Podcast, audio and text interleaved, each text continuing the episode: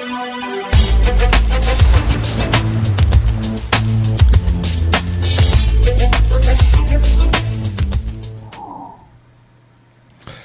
Da er vi tilbake nok en mandag, og mandagen i dag er 12. mars 2012. Vi hadde en morsom sending forrige mandag med hangouts. Vi fikk testet hvordan det fungerte, og det fungerte såpass bra at vi skal kjøre en hangout i dag òg. Men ikke en uh, hangout slik som sist, men uh, i dag skal vi bruke det mer som et verktøy for å prate med de vi skal prate med. Men uh, først skal vi ta imot deg, Einar. Velkommen. Hei. Hallo, hallo. Ja, det var en morsom prat forrige mandag. Ja, det var det, faktisk. Da hadde vi eh, rekord i, i datapratsammenheng. da. Vi hadde jo da, Hvor mange ble vi? 10-11 stykker.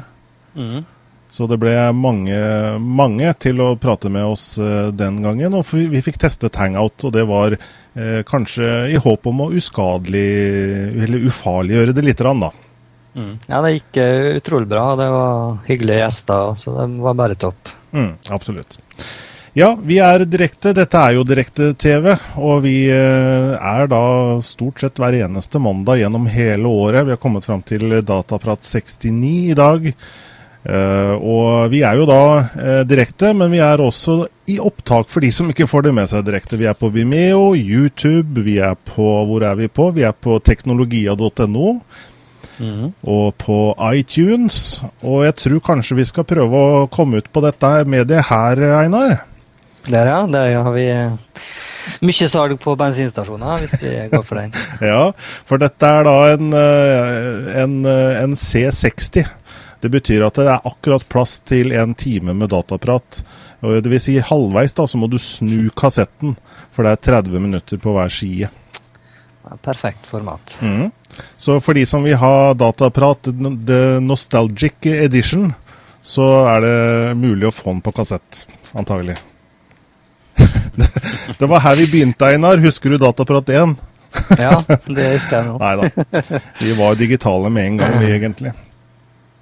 Vel, vi skal, vi, skal, eh, vi skal, over til noe, til noe, helt annet, egentlig. Vi nemlig, vi er så heldige i dag å ha med oss eh, noen eh, jeg skal kalle det representanter fra en, et miljø som er da et åpent Eller altså et, en åpen kildekode som heter LibreOffice. Der er det et miljø i Norge som, som jobber for da å få LibreOffice mest mulig tilpasset det norske markedet, også i forhold til språket osv. Vi er så heldige å ha med oss de, så vi skal uh, ta de imot da på, på Hangout her. Eh, velkommen til dere. Takk. Her har vi da først med oss uh, Olav Dalum. Jeg vet ikke om du vil si et par ord om, om hvem du er? Jo, jeg er jo da Olav Dalum, og jeg er best kjent som hovedbidragsyter i LibreOffice. Eh, og jeg eh, har jo da vært med siden eh, prosjektet starta i september 2010. Og har fra den gangen jobba hovedsakelig med oversettelsen. Men jeg har også da satt opp alt fra det norske nettstedet til e-postlister osv. Eh, og prøver å følge opp så godt som overhodet mulig med resten av miljøet rundt i verden. Veldig bra. Velkommen, ja. velkommen, til deg, hyggelig å ha deg med. Og så har vi Knut Yrvin. Velkommen. Tusen takk. Litt om meg selv, kanskje? Veldig flott. Kortversjonen er at jeg har vært med og starta den gangen Open Office, eh, oversettelsen til norsk, i 2001 og bidratt til at det ble tatt i bruk i en del skoler og fylkeskommuner. Og også er en del av dette skolelinux-prosjektet som jeg var medgründer av også i 2001. Og jeg ser jo med glede den flotte veksten det har vært det siste året med LibreOffice. Mm. Bra. Og bare kort for de som måtte kjenne deg igjen, kanskje fra en annen arena. Du var med på TV 2s populære program Norske talenter. Stemmer det. Det gikk jo rett i finalen.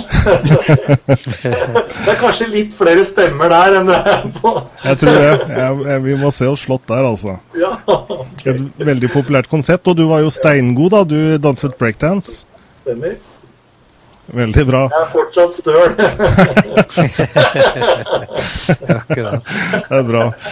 Veldig hyggelig å ha deg med, Knut Yrvin. Velkommen til deg også. Og så har vi Knut eh, Olav Bøhmer. Velkommen, Knut Olav. Hei. Takk. Vil jeg si noe om meg selv nå, da? Ja, kjempefint. Ja. Jeg eh, har jo vært Linux-bruker siden 1995. Og eh, har jobbet i flere fri programvareselskaper. Og eh, for et par år siden så eh, skulle jeg gjøre et eh, et Open Office-prosjekt eh, som selvstendig konsulent. da. Og eh, så så jeg at dette prosjektet det ble litt større enn en for én mann, så jeg fikk med meg eh, noen andre også som eh, har eh, holdt på med eh, Open Office-prosjektet før, bl.a. Yrvin. Og så eh, startet vi et firma, og vi jobber nå bl.a. med LibreOffice. Mm. Så bra. Hyggelig å ha deg også, hyggelig å ha med deg også, Knut Olav. Hyggelig å være her.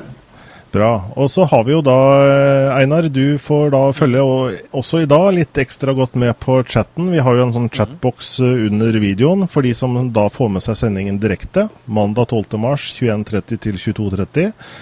Og for de som ikke er logget inn på chatten ennå, så er det bare å skrive inn et lite nickname. Helst ikke noe, heller ikke noe mellomrom, for dette er IRC, så bare skriv eh, et eller annet og logg på. Gjerne navnet deres, da, men nikk går også bra. Og så er det mulig å stille spørsmål direkte til denne gjengen her da, fra, fra LibreOffice. Og uh, benytt sjansen uh, nå for dere som har lyst til å stille et spørsmål. Og da får du bare bryte inn, Einar, hvis det skulle være noe. Mm, det er greit. Eh, vi, vi, for de som ikke vet hva LibreOffice er, skal vi begynne helt eh, på toppen holdt jeg på å si, i forhold til eh, kontorpakke. Vi begynner der, tror jeg. Hva er det LibreOffice eh, er for noe? Hva betyr en kontorpakke? Hvilke moduler er med, osv.? Noen, som vil- noen som vil prøve seg? Olav? det, Ja. det, er jo, det er jo da en samling med programvare som, eh, som brukes det som eh, kalles frontoffice front office på engelsk. Eh, og, og LibreOffice eh, skiller seg jo på ingen måte særlig ifra konkurrentene. Eh, det har eh, de velkjente modulene som en tekstbehandler, regneark, eh, database, en formelredigering osv. Men det som selvfølgelig er fordelen med LibreOffice, er at det også er et åpent kildekodeprosjekt. Og, og det har Det har det har Unnskyld. Det går bra. Det, det, betyr jo først og fremst, det betyr jo først og fremst at det er gratis, da, ikke sant? For oss eh, jeg holdt på å si, vanlige dødelige som, som, skal, som, som skal bruke en eller annen Office-pakke, så går det an å få tak i LibreOffice uten å betale en krone. Helt lovlig. Ja. Ja. Du sparer fort 995 kroner. Og det er jo da mulig å ta en fest for, eller kanskje kjøpe en litt bedre datamaskin. Eller så billige datamaskiner er på vei til å bli, så får du som nå snart en datamaskin for 500 kroner. En sånn eh, ultralett, ultra eh, ressurssvak datamaskin. Og det kjører helt fint med den kontorpakken, da. De fleste bruker bare tekstbehandleren og regnearket, kanskje presentasjon, selv om det er mange, det er åtte programmer som følger med i denne kontorpakken. Mm. Det rare er at det brukes jo også av veldig mange. For det, eh, Mange er ikke klar over det, men det har jo vært en solid nedlasting i mange år av Open Office, som LibreOffice bygger på. Det er bare fortsettelsen. Og på topp så tror jeg vi hadde 600 000-700 000 nedlastinger i året. Det betyr at det er rundt 18-20% av norske nordmenn som har dette installert. Og hadde du hatt sånne markedsandeler i bilmarkedet, så hadde du vært helt kongen på haugen. Du hadde blitt erklært nesten Jesus. Mm. Men med en gang du har det på data, da, liksom 18-19% så, så syns folk du er litt liten. det er liksom litt opp ned. Er det da total, totalt, holdt jeg på å si, eller er det i forhold til det for, forbrukermarkedet? Altså hvis, hvis, vi ser bort fra bedrifter, kanskje? Da ser vi bort fra bedrifter, for dette er direkte nedlasting fra LibreOffice og OpenOffice, som vi har målt rent med å bare telle hvor mange nedlastinger det har vært, for det har vi hatt et system for å gjøre, som er lagd i USA. Mm. Og det interessante er at bedrifter blir da ikke telt, fordi at det bedrifter gjør, at de, eh, de tar og laster ned én, og så tar de dette i bruk kanskje på 300-400 eller 50 datamaskiner. Så du teller ikke da liksom ned 50 til 300 nedlastinger, du teller ned kanskje én nedlasting som er ute til 50. Mm. Og du nevner 995, da tenker du kanskje på Microsoft sitt alternativ. Og det er jo det som på en måte alle, eller flest folk, da kjenner som Office-pakka. Og Microsoft var jo ganske hva skal jeg si, grådig til å begynne med. Da, da måtte du nesten ut med 2000-3000 kroner hvis du også skulle ha Office hjemme. Og jeg tror kanskje Microsoft har sett at det her er det alternativer, så vi må, vi må sette ned prisen. Så de hadde vel først en slags sånn studentpakke som jeg nå tror alle kan få kjøpt 995 eh, da, for de som vil ha Office i, i hjemmet, men det er dyrere for bedrifter. Ja, det koster nesten tre ganger mer for bedrifter, har jeg blitt fortalt. Og jeg har fortalt at årlig leie også er eh, et solid beløp da, for bedrifter. Og det er jo der de tar mest penger. Når det er sagt, som du sier, helt korrekt, det har blitt en enorm lavere pris de siste tre-fire årene. Og dette er jo bekreftet også av offentlig ansatte i Akershus fylkeskommune, som har gått ut og sagt dette, at det har blitt mye rimeligere ved at eh, LibreOffice er et alternativ. Og derfor så støtter de fortsatt dette arbeidet, selv om de har vært litt tilbakeholdne nå i det siste å bruke det selv. Men vi er i en prosess der vi har blitt, eh, fått lov til å invitere oss selv eh, til en dialog med Akershus. Men at kanskje de framover vil bruke det igjen. Mm. Ja. Alle skoler. Det at det, det er et gratisalternativ må jo først og fremst være en, en, kjempefordel når man skal selge noe, tenker jeg. Men hva betyr det at det er åpen kildekode, og det bygger på en lisens da, en, på en sånn GNU-modell? Kan vi si litt om det? Ja, når det bare kaster seg uti, gutter. ja, nei, altså, altså Når det gjelder den åpne kildekodemodellen, så bunner det jo ut i at, at, hvem som helst kan få tilgang til kildekoden som ligger, ligger til grunnlag for programvaren. Og, og, dermed så er det jo veldig enkelt også å gjøre endringer i programvaren etter eget ønske.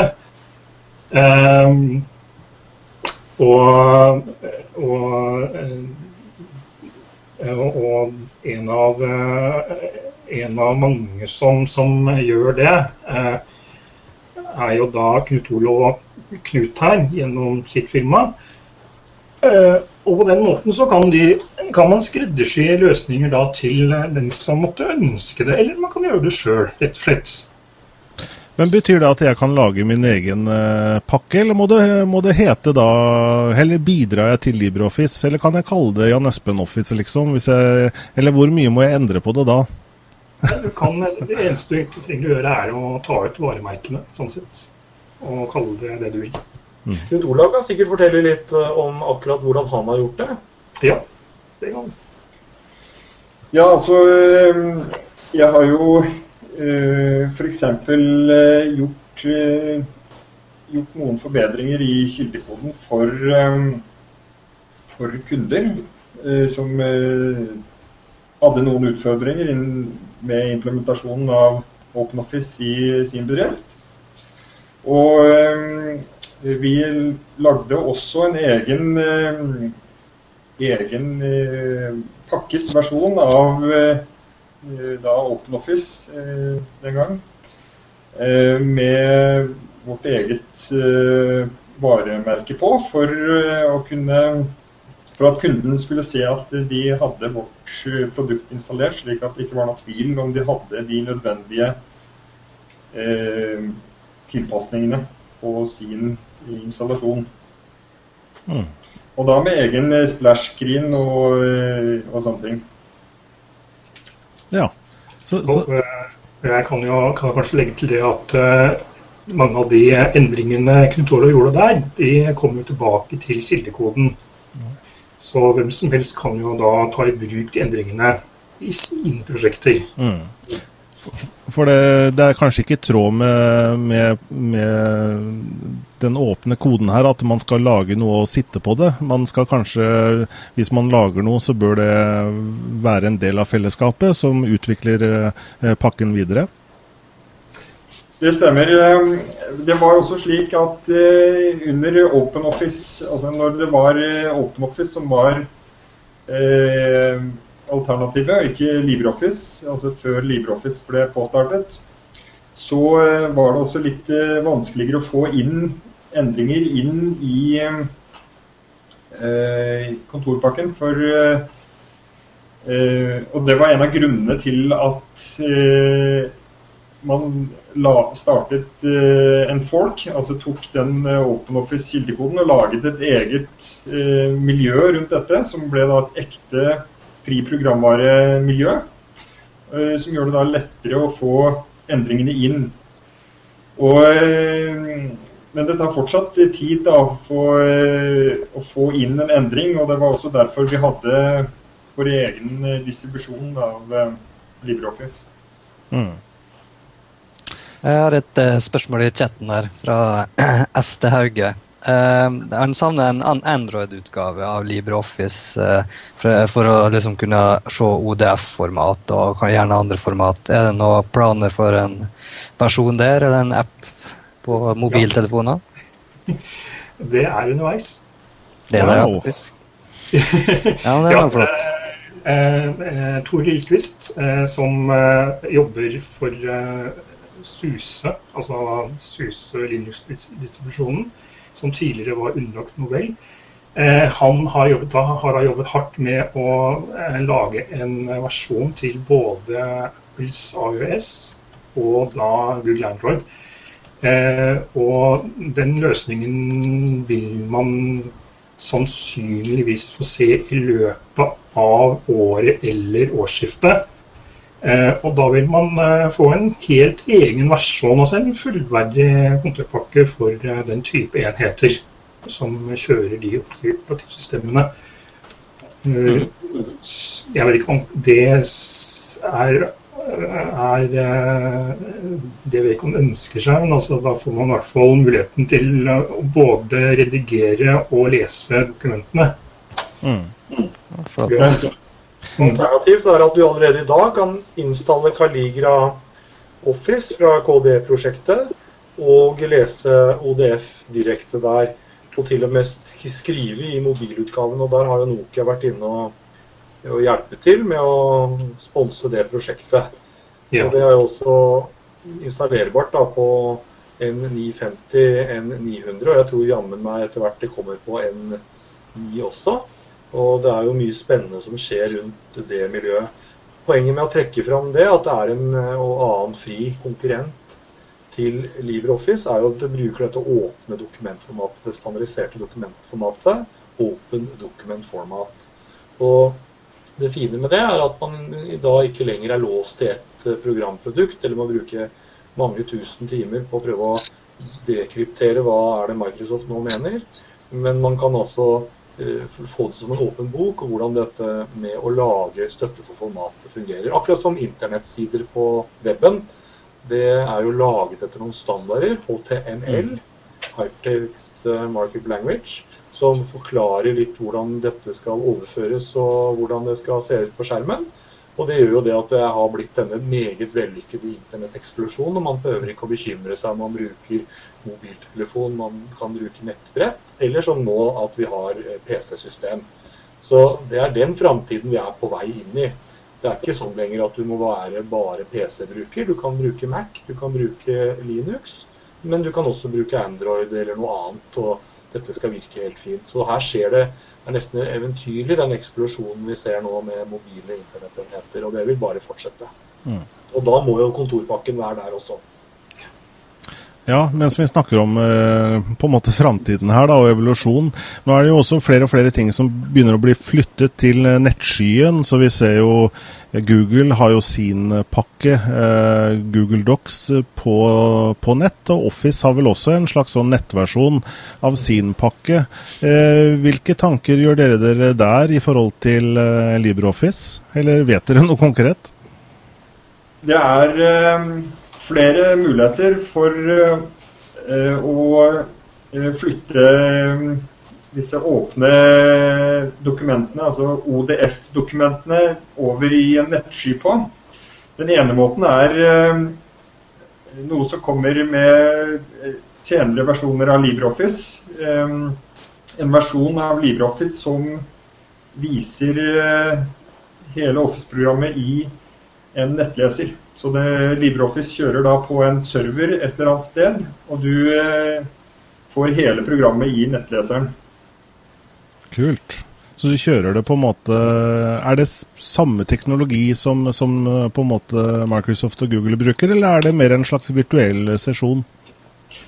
Det Man kan kanskje mer si at det er en virtuell eh, sesjon, da. Fordi det er helt vanlig en helt vanlig utgave av LibreOffice som kjører på serveren.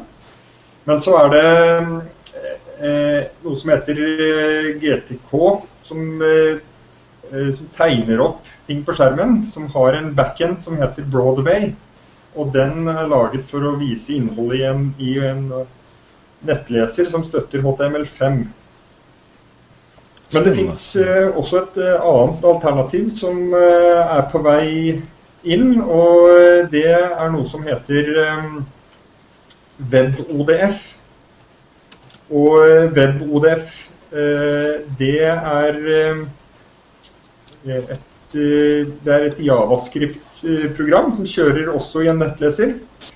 Og det kan ligge på lokal maskin, men det kan også ligge på en server. Og det er Det er jo slik at et ODF-dokument, det er eh, XML. Og den XML-en den kan lastes rett inn i nettleseren. Og så kan eh, den stylesheeten som eh, ODF bruker, den er også XML, men den kan konverteres til CSS. Og så vises hele dokumentet i nettleseren uten at dokumentstrukturen er endret på noen måte. Eh, det er sånn med kontorprogramverktøy som eh, LibreOffice eller CalligraOffice. De leser inn eh, dokumentet og, og bevarer dokumentet i sin egen datastruktur, mens her ligger XML-en rett i nettleseren. Og Det gjør det veldig enkelt å eh, jobbe med denne programvaren, da, som også bare er et javascript, som igjen er også veldig enkelt å jobbe med. Og eh, da kan det, den, ligner, den teknologien ligner litt mer på det Google Docs og eh, Microsoft 360 eh, gjør, da. Mm, mm. Det er to alternativer.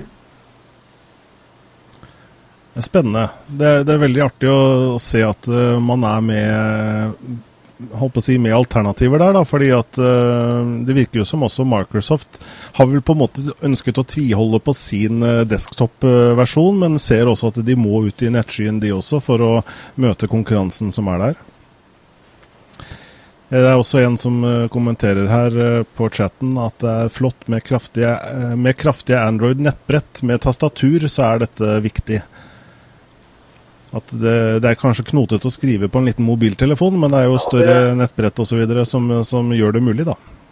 Det har du rett i.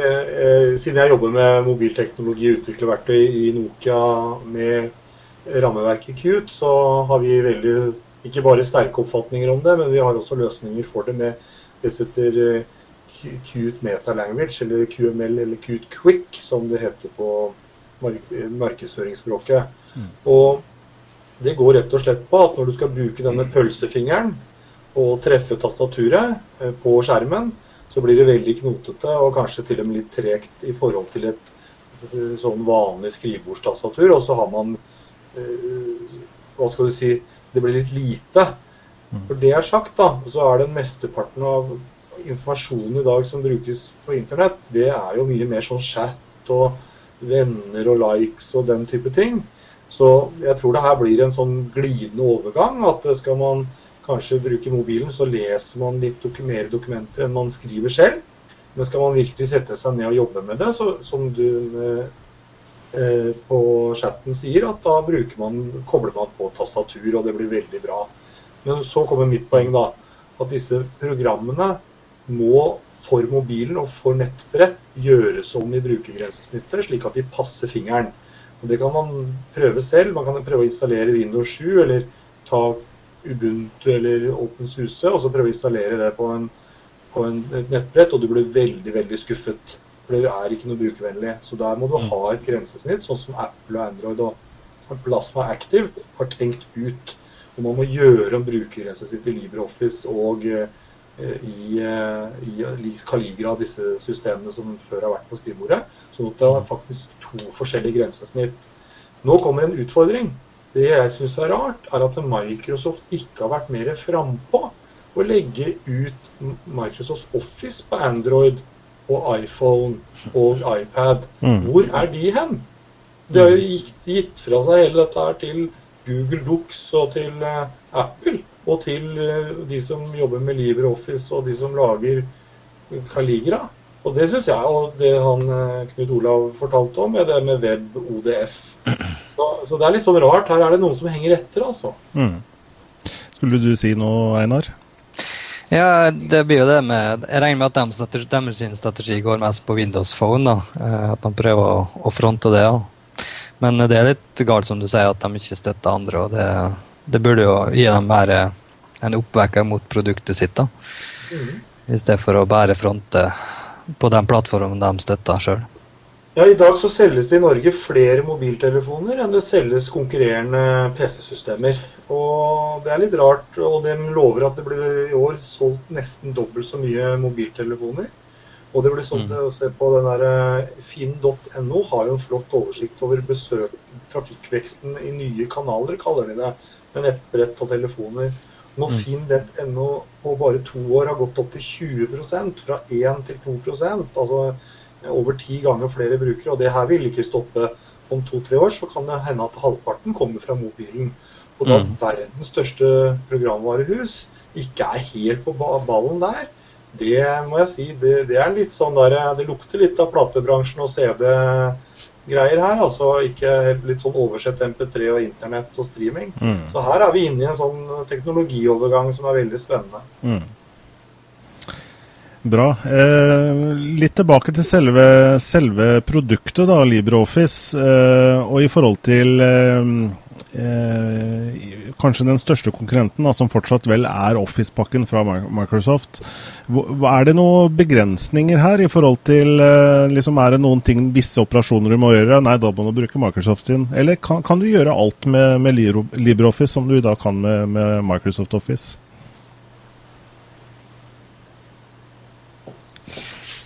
Ingen som har eh, svar?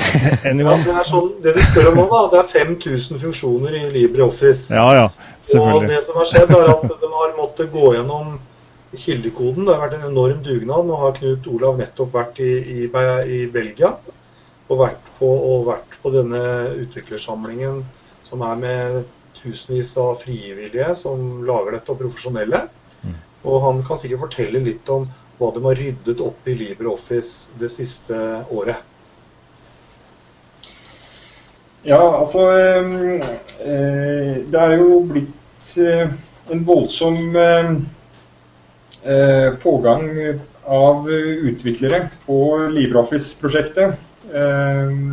Det startet vel i august i 2010, så var det omtrent like mange LibreOffice-utviklere som eh, OpenOffice-utviklere.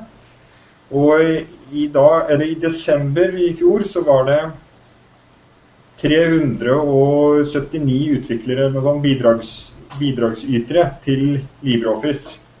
Og eh, det er veldig mange nye eh, bidragsytere som kanskje ikke har gjort veldig mye sånn type arbeid før. Så Eh, I LibreOffice-prosjektet så har man eh, gjort noe veldig smart, og det er å legge til rette for at nye bidragsytere skal kunne være med. og Da har de noe som heter Easy Hacks. Og en av eh, de såkalte Easy Hacks-hacksene eh, som er eh, mulig å bryne seg på, det er å fjerne gammel kildekode som ikke lenger brukes. De har laget verktøy for å analysere hva som brukes og hva som ikke brukes. Og så har de klart å redusere eh, kildekoden eh, voldsomt. Jeg husker ikke de tallene. Husker du det, Yrvin? Ja, jeg tror eh, vi snakker om er, jeg, er helt, jeg, er heller ikke helt sikker på hvor mange funksjoner og hvor mye de har ryddet opp i, for dette er kildekode fra tilbake til 1980-tallet som nå har fått en Og det har noen grafer og sånn, det kan vi faktisk legge ut på det. For det, det blir sånn til tall, og det er nesten umulig å gjøre i, i riktig intervjusituasjon. Alle tall bare ble bare feil.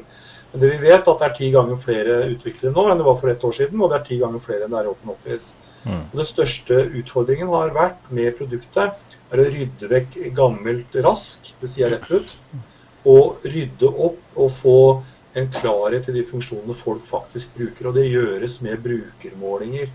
Fordi at det er blitt så mange funksjoner. Er kontorpakke i dag, som jeg sa, det har 5000 funksjoner.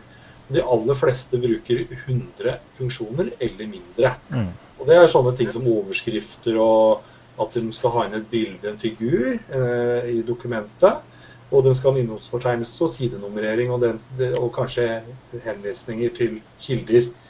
Og det er ikke noe særlig mer. og Særlig i skolen er det veldig enkle oppgaver. Og det er presentasjon.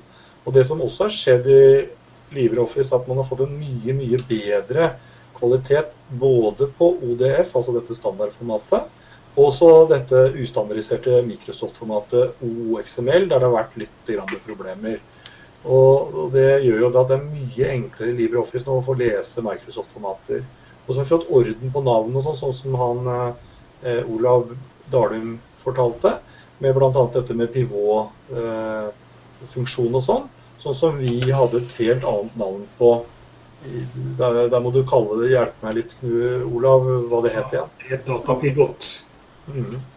Men da skal jeg finne den lenka til denne statistikken, så dere selv får se hvor mye kode og som det er ryddet opp i. For det er gjort en fantastisk jobb mm. fram til nå versjon 3.5 til at det nå er et produkt som starter opp på sekunder. Regnearket, f.eks starter nå på 3-4 sekunder med 25 000 formler og sider og den type ting, mens det før tok 60 sekunder. Ikke sant? Så sånne ting har man nå endelig fått satt søkelyset på og gjort noe ordentlig med. Så mm. det vi ser nå, at man har holdt igjen egentlig med litt nye funksjoner og ryddet.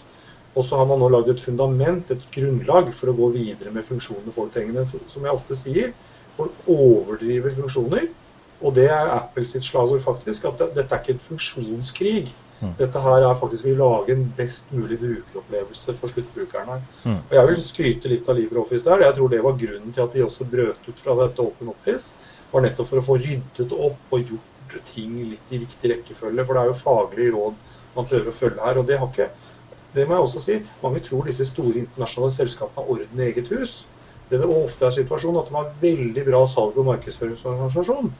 Men det, det, det, er ikke alltid da når du bytter ut folk ofte i prosjekter og sånn, at det er like bra det de lager. Mm. Og det blir veldig synlig når det er fri programvare. Og Det er derfor mange selskaper nå går for det som heter open governance, eller åpen forvaltning. Og Det er det som har skjedd med LibreOffice her, at man har gått for åpen forvaltning. Slik at det er, man, man som bidragsyter er sidestilt med de andre som bidrar.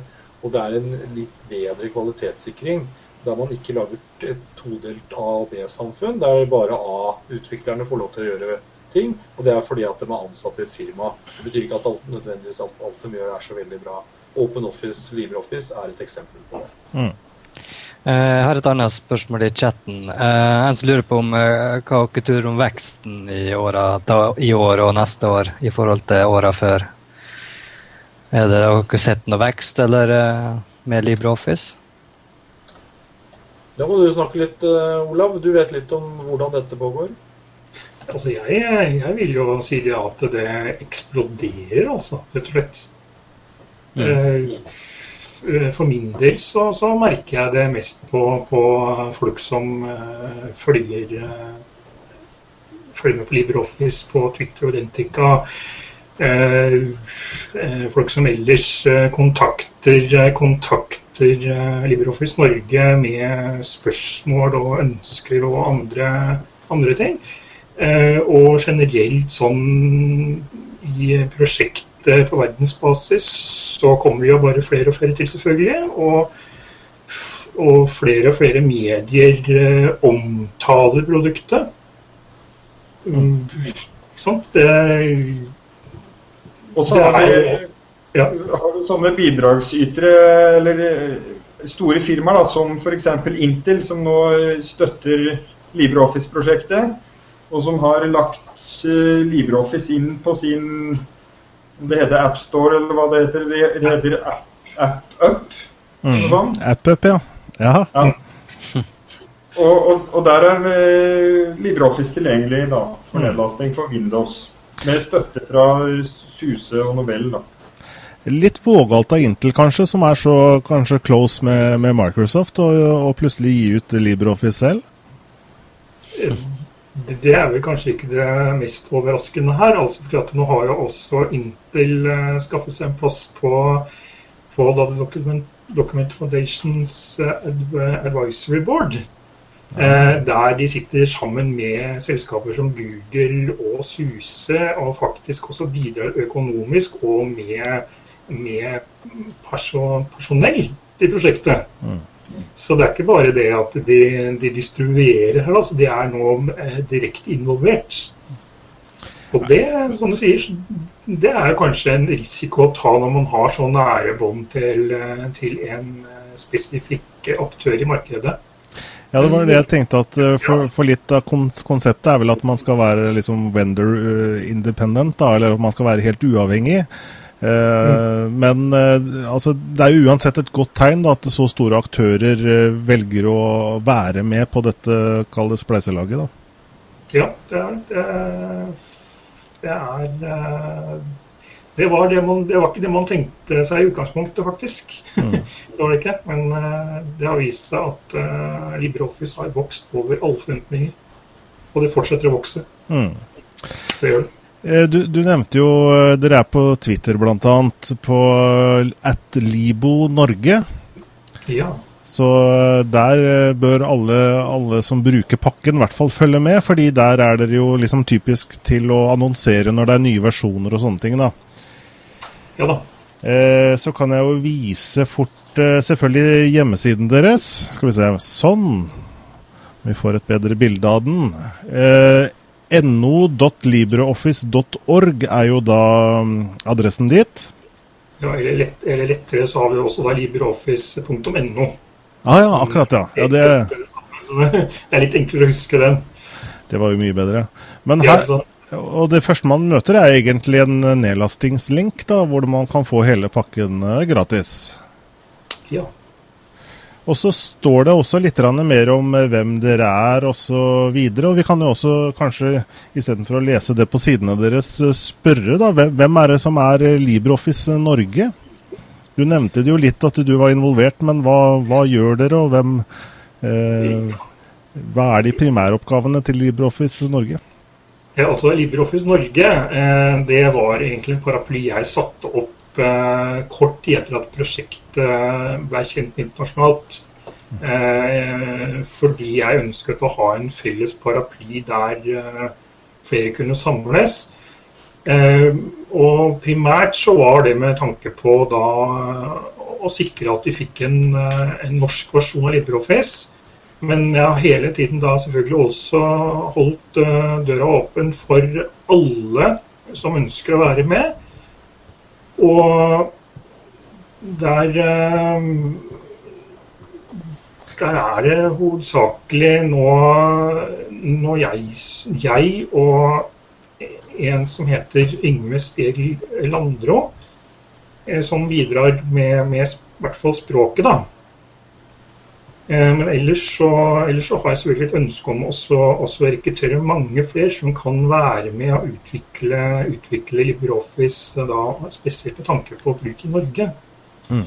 Ja, ja. Så, hva, hva, gjør man da, da, hvis man har lyst til å bidra?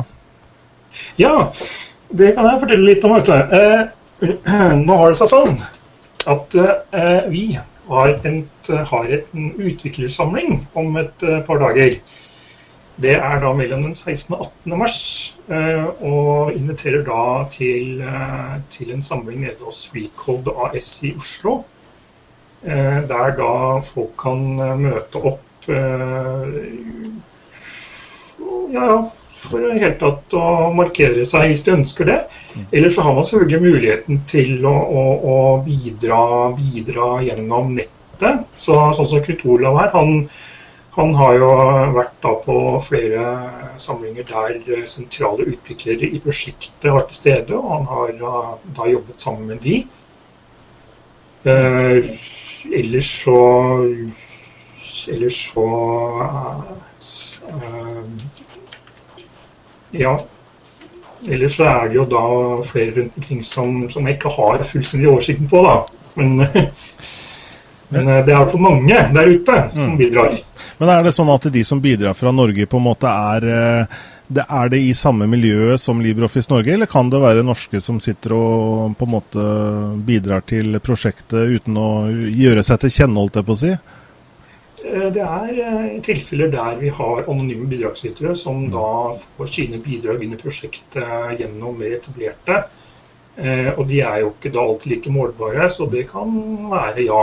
Men til nå så har ikke jeg sett noen indikasjoner på at det er spesielle personer som utmerker seg, utenom da Knut Olav Bøhmer. Mm. Men hvilke skills må man ha da? Må man ha svart belte i programmering og være en råtass for å kunne bidra her, eller hva, hva skal til? Hva trenger man hjelp til?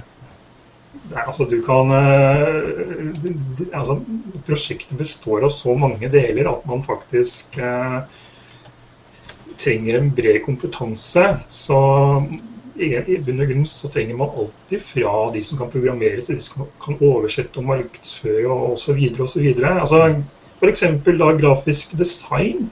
Mm. For, også, for å utvikle det rent, uh, rent uh, det rent identiske. da. Mm.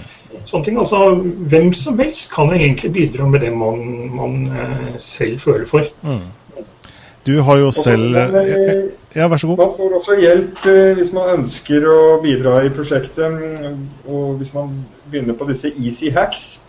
Jeg kan jo si En av disse easy hacksene var at man ønsket at bildene i grafene i, i regnearket skulle lagres som PNG-bilder og ikke som JPEG. Og eh, da ble det laget en beskrivelse av hvordan man skal gå fram for å gjøre den endringen. Og, i, og det endte opp med da å være bytte ut en tekststreng fra .jpeg til .png. Eh, That's it. Det kunne jeg klart å bidra med òg. Det som er litt rart, det må jeg si her, at uh, mye av det som gjøres i dataprogram, er mye Hva kaller det? Det er sånn du, du, du skifler. Altså du, du, du kaster ut med tekststrenger hit og dit. Mm. Og det er ikke noe vanskelig i det hele tatt, hvis man har litt orden i sysakene, som du opplagt har. da. Så veldig mange gjør liksom programmering til noe sånn veldig magisk og ugjennomtrengelig. Men dette med easy hacks viser hvordan frisamfunnet tar det med nye brukere veldig alvorlig, og de blir produktive veldig raskt i prosjektet. For man kan finne oppgaver som de kan delta på. Mm. Og Derfor denne spennende statistikken er lagt ut nå litt på vår Jeg vet ikke, jeg er ikke så kjent med Google pluss ennå, men det er lagt ut masse lenker om hva disse bidragsyterne har gjort, og hvilket nivå, teknisk nivå de er på. Mm. Eh, F.eks. så er det ca. 250 som bare er tilfeldigvis innom, og så er det 150 som er regulære utviklere. Kjernen er 50 stykker av de 150, og de er eh, veldig, veldig ivrige. Og de mm. har gjort enormt mange endringer i systemet. Der vi snakker om eh, commits altså på 2000-3000 forskjellige endringer eh, hver eneste måned. Som har mm. gjort, og Det hadde ikke vært mulig å gjøre alle disse endringene hvis det ikke hadde vært alle disse som kunne gjøre litt sånn som du fortalte nå med det med han Knut Olav. Med det med å skifte ut en tekststreng. Og det trengs alle disse folkene til å lese koden, finne de forskjellige tingene. For det er enormt mange tusen linjer i kode. Det var litt det jeg sa litt tidligere, at det var så mye at det er ikke mulig for en person å ha full oversikt over dette. Det er altfor stort. Ja. Det fine er nå at nå er det fjerna så mye at vi kan begynne å proffe opp på LibreOffice mye mer enn det det har vært. Mm. Og nå er tidspunktet for å være med i prosjektet også. For da skjer det så mye spennende med mobil og nettbrett og skya og alt det der. Mm. Meld dere på. En av de mest etterspurte eh, Easy Hacks-bidragene fra eh, kjerneutviklerne i bl.a. i Frankrike, var, at, eh, var å få oversatt kommentarene i koden fra tysk til engelsk. Mm. Ja, fordi eh, det er vel et problem, kan jeg tenke, at eh, liksom det er mange kokker her. og Hvordan er det å liksom forstå andres kode og begynne å hacke på det, for å si det sånn? Knut Olav? Ja, det har jo vært eh, en av de store opprydningsjobbene, da. For det har vært mange kokker, og eh, man lider av et sånt not invented hair-syndrom. Altså, man, eh, det er ikke jeg som har laget det, da lager jeg mitt eget. og, eh, og det har, eh, det har vært en kjempejobb nå eh, de siste månedene å få ryddet opp i. Hva slags programmeringsspråk eh, er det det er skrevet i, da? Det er hovedsakelig skrevet i eh, C++. Eh, Så er det mye Java-kode. Og etter hvert eh, mer bruk av Python og sånn. Python, jeg vet ikke helt hvor det brukes, men eh. Man kan også lage utvidelser til eh, LibreOffice i veldig mange forskjellige språk. Eh, disse utvidelsene det var jo bl.a. det som gjorde at Firefox ble mest populære nettleseren. var at den hadde støtte for eh, å lage plugins og utvidelser. Mm. Og, og den samme måten å lage utvidelser på i eh, LibreOffice eh, gjør at LibreOffice kan bli et veldig bra alternativ. Og så tenker jeg at eh, det er kanskje også et bra sted for læring, fordi at man er allerede i et community hvor det er veldig mange programmerere som kanskje kan mye mer enn deg selv. Da, sånn at du kan både se på kode, prøve å gjøre noe, og så er det kanskje noe forum internt da, iblant uh, utviklermiljøet som kan komme med tips og gi at man kan bli en bedre programmerer òg, for de som ønsker det. Man kan få hjelp, veldig god hjelp på IRC på chatten. Der er det veldig mange LibreOffice-utviklere. Men så er også en LibreOffice-utvikler-e-postliste, hvor du også får eh, veldig god hjelp til alle mulige tekniske spørsmål og opplæring, og pekere på hvor du kan lese for å forstå mer om forskjellige deler av koden eller sånne ting. Mm. Veldig bra. Eh, litt tilbake til selve produktet. da, LibreOffice. Nå er det da versjon 3.4.5. Eh, og så er det da 3.4.6 releasekandidat 1 er vel eh, ute nå. Og eh, er det, er det noe nytt i den eh, versjonen som, er, eh, som kan nevnes? Altså 346 RC1 det er jo bare egentlig en vedlikeholdsversjon av, eh, av 34-serien. Mm. Så der er det bare snakk om feilrettelser eh, og, og sånne ting. Men eh, altså 3.5 3.5 er jo en helt ny generasjon. Eh, og, og en, av, en av nyhetene er jo, det, er jo den opprydninga som eh, vi har vært innrikt på her nå.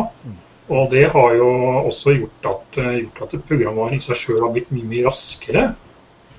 Eh, I tillegg så har man også lagt til en del eh, funksjoner som brukere har ønska seg i lengre tid. Og eh, blant annet så har vi jo brukere av regneark, ikke sant, som da har ønsket seg muligheten til å ha store dokumenter med mange ark og mange rader. Mm. Og i versjon 3.5 så er det sånn at nå kan man få, få dokumenter da som kan ha opptil da, 10 000 ark, da med henholdsvis eh, 1 million rader og 10 000 kolonner eh, per de. Eh, og så har man, eh, har man eh, også selvfølgelig eh, laget eh, noen importfiltre her, for bl.a. Eh, Microsoft Visio. Eh, man har også støtte for Java 7. Det er noe som mange har, eh, mange har eh, Mm. tenkt på, men klart, det, det er mer generelt, og det er ikke bare for kalk, selvfølgelig. Eh, men altså eh, En av de tingene jeg liker aller mest, da, spesielt i kalk, det er det her med at man også nå har et nytt inndatafelt i verktøylinja som eh, lar brukere skrive inn formler eh, over flere linjer. Den er ny. Mm. Eh, Men altså tilbake til da generelt til LibreOffice da, 3.5, så, så har jo f.eks. her en av, Et av problemene med den type program er det at de har gjerne flytende verktøylinjer. Og eh, noe av det nye altså, i LibreOffice 3.5 er det at disse er nå fastlåst nederst, ikke sant? så at de ikke er i veien for, for da det man skal gjøre i selve dokumentet. Eh, og ja, så endringer altså Det er mange endringer, faktisk. Er, er, er, det- da et eh, sånn kjempeoppgave for dere som oversetter? At det er liksom det kommer et ras av ting som skal oversettes? Det er jo eh, innenfor alle modulene kanskje også. At det er eh, eh, Hvordan på en måte vil det forsinke den norske utgivelsen, hvis det er veldig mye nytt? Nei, altså det, nå, er det, nå er faktisk de som, eh, de som eh, de som sitter med styringa, eh, veldig flinke til å annonsere når det kommer nye ting. Det er det. Så det er alltid en løpende informasjon på e-postlister og andre steder. Eh, ellers så er jo jeg også da flink til å være innom og sjekke, sjekke da oversettelsesplattformen. I det tilfellet så kalles den Perlapruten, da, som brukes som flere prosjekter. Eh, og på den måten så har jeg da oversikten på, sant, på statistikken da, eh, som da måtte gjelde på det gjeldende tidspunktet. Og vanligvis så er ikke endringene så store at man, man jobber seg fullstendig i hæl. Men eh, selvfølgelig så kan tidsfristene bli litt knappe til tider. Ja, hvor, Så det, det er en utfordring. ja, hvor, det hvor lenge etter er typisk den norske versjonen, da? eh, Etter den engelske? Aldri. Å ja, er det helt samme dato? ja, det, altså, det, for, eh, eh, altså, det er sånn eh, at eh, når man bygger LibreOffice, så bygger man eh, faktisk alt sammen på én gang. Det gjør man. Eh, det eneste man bygger separat, er da, er da for de spesifikke plattformene. Det er det. Så når man først da bygger, eh, bygger eh, pakkene, så får man automatisk alle språkene, ikke sant. Så den eh, den statusen da språket har i oversettelsesverktøyet, den vil da gjenspeiles ikke sant, i programvaren. Mm. Så jeg sier at vi, vi ligger veldig bra an. Det. Det er veldig bra. Jeg, jeg spør vel egentlig litt sånn erfaring, fordi jeg begynte jo på Open OpenOffice og fant jo det som et kjempealternativ eh, til, eh, til Office da i sin tid. Og, men der tok det gjerne litt tid eh, for den norske versjonen, hvis ikke jeg tar veldig feil. Eh, I hvert fall at den ble publisert, da. Ja. Det tok dager og kanskje uker.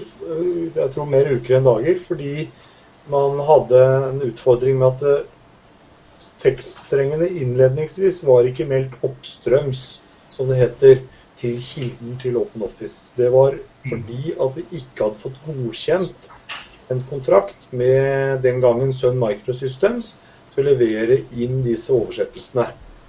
Og Det var, synes vi var veldig beklagelig, for det, det betydde den gangen i begynnelsen, som du sa, så vil det bli en forsinkelse for deg. Men vi gikk også litt glipp av den kvalitetssikringen det er med å kunne være med i det, prosjektet sentralt direkte. For der er det en, så du får en del sånn kvalitetssikring. Men etter hvert så fikk vi det til. Og da kom dette på likt. Nesten på likt. Fordi det var også slik at eh, de i Sønn, Microsystem tok jo ikke alltid bryderiet med å bygge OpenOffice på alle språkene heller. Det var veldig irriterende. Så vi måtte bygge det selv og legge dette ut eh, til brukerne. Og det tok jo noen dager, da. Det tar tre dager å bygge OpenOffice. Det er et veldig stort program. Eh, Disse kontorpakkene er vel noen av de største dataprogrammene man finnes på planeten Jorden. Det kan vi si noe om, for det har vi målt eh, kildekodestørrelsen på. Det har vi full oversikt over. Og også Microsoft har et program med delt kildekode til akademia. Uten at det er lov da selv å lage noe ut av det, men de, du kan se litt på det, og folk har undersøkt det. Så mm, fordelen med LibreOffice er at ikke bare er vi med i prosjektet, men vi får alt av liksom, kompileringer og alt den fordelen ved å jobbe sammen som et ekte open governance, altså åpen forvaltningsprosjekt, skal være. Alle får alt på samme tid. Så det er en stor, stor forbedring. Er uh, OpenOffice Vi har jo nevnt det liksom litt uh, versus LibreOffice, men er OpenOffice-prosjektet på en måte dødt nå, eller er det fortsatt uh, liv i det prosjektet også? Det er nå revitalisert gjennom, gjennom at Oracle overga både kildekoden og varemerkene til Apache Soft Foundation. Mm. Det, er jo, det, er jo, gjerne en organisasjon veldig mange kjenner til. Det er jo mest kjent for sin, sin webtjener, selvfølgelig. Eh, men nå er altså de eh, videreført, eh, videreført Open Office-prosjektet gjennom inkubasjon.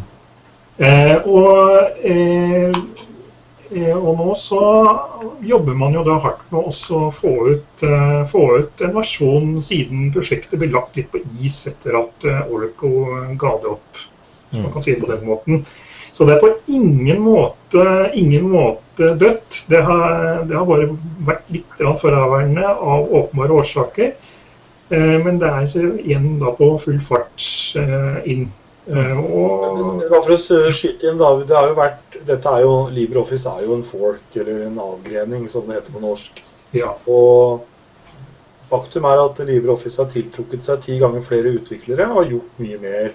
Og det er en lisensmessig hindring, dessverre, som gjør at uh, du ikke like lett kan ta inn de bidragene i LibreOffice direkte til Apache. Det er en lisensmessig utfordring, rett og slett.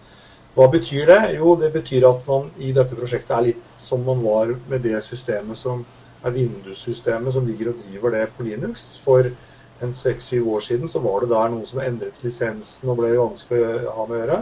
Og så tok man og laget et sideforgren av det til noe som heter Xorg. Og det er det nå alle bruker. Så det er ganske tydelig nå hva som skjer. At eh, friprogressursene, momentum, action, det skjer nå i LibreOffice. Det er de som har liksom ledertrøya. Mm.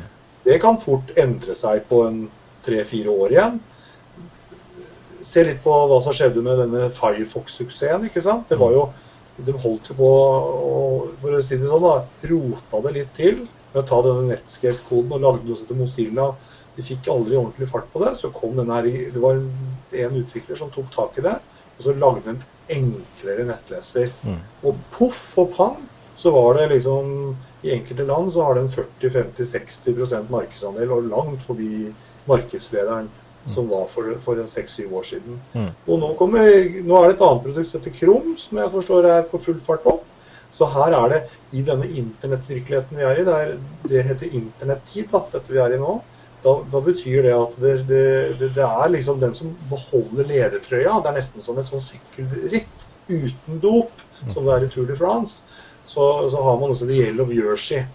At man har på ledertrøya også den som da sykler fortest og får med seg flest folk i teamet sitt, og, og sånn, kommer først over streken. Og dette er nesten en sånn, litt sånn darwinistisk konkurranse om å tiltrekke seg talentene og få et godt utviklersamfunn. Og, og det ser nå akkurat nå ut som at dette med åpen forvaltning og det LibreOffice gjør, er veldig riktig. Betyr det at Apache og sånn ikke vil få det til?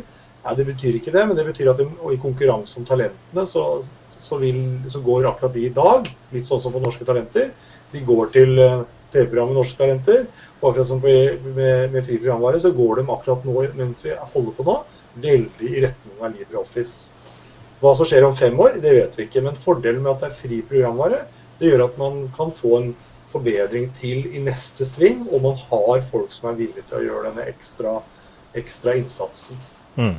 Det tok jo i hvert fall uh, veldig fort av, da, og jeg tenker på LibreOffice. Uh, når liksom Sun og Oracle begynte å rote det til, så tok det liksom ikke mange smellene før liksom de store Linux-distribusjonene standardiserte på LibreOffice.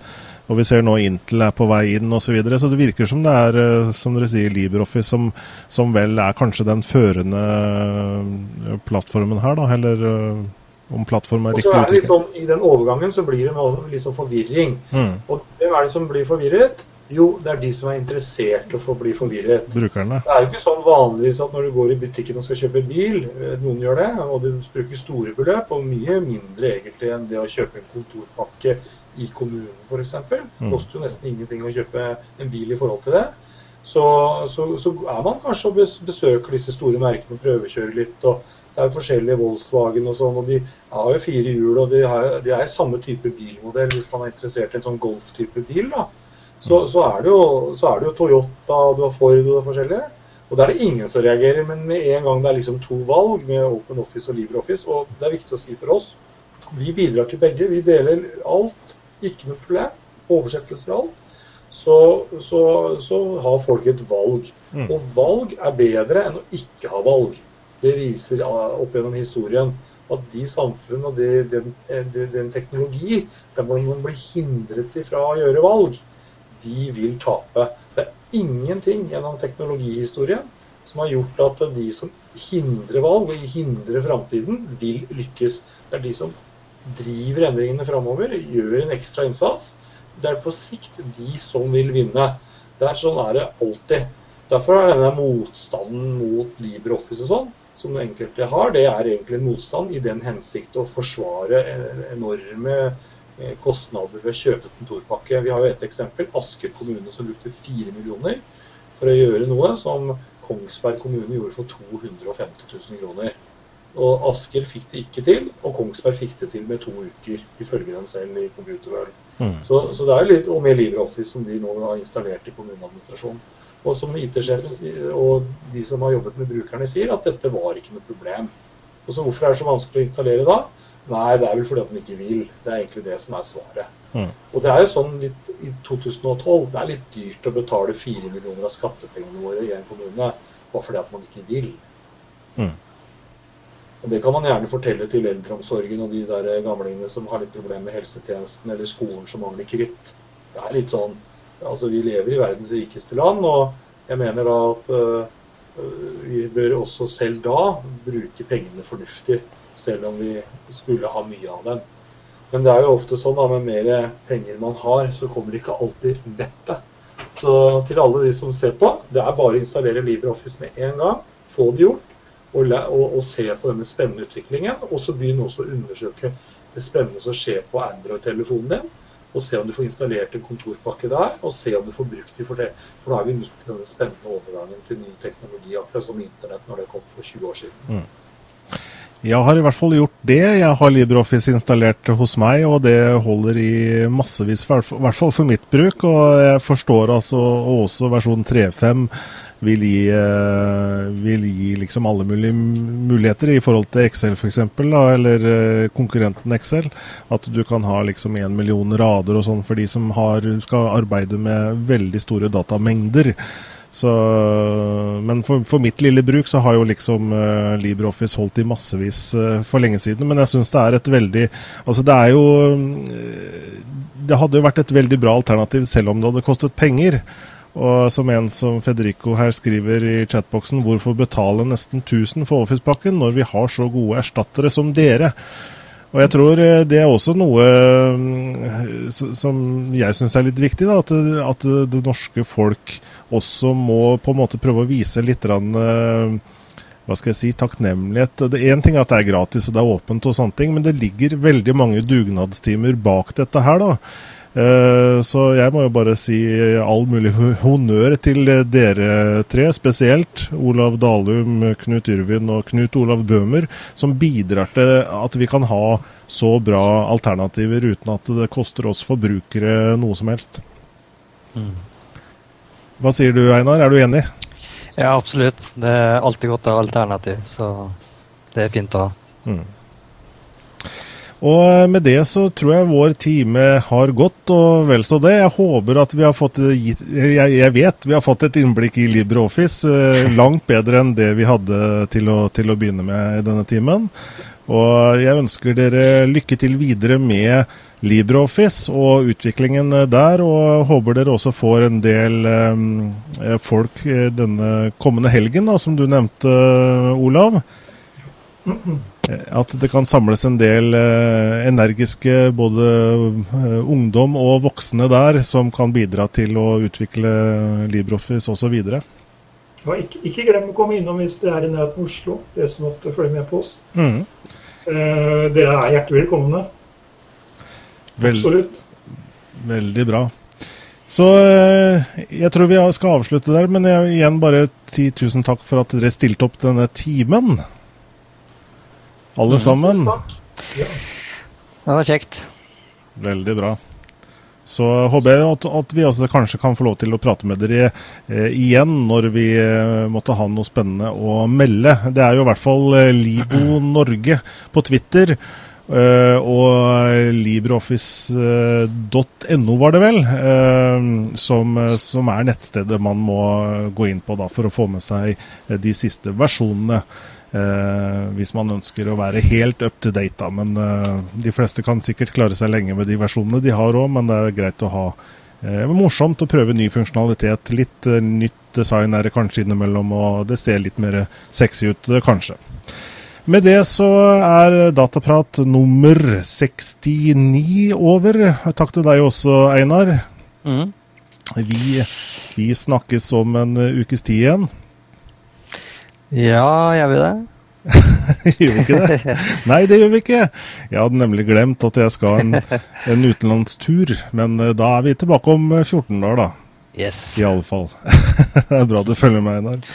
Men det var en morsom time. Veldig artig å prate med, med gutta fra LibreOffice eh, Norge. Og så er vi da tilbake med program 70 da, om 14 dager. Yes. OK, ha det bra. Ha det. Ha det. Ha det.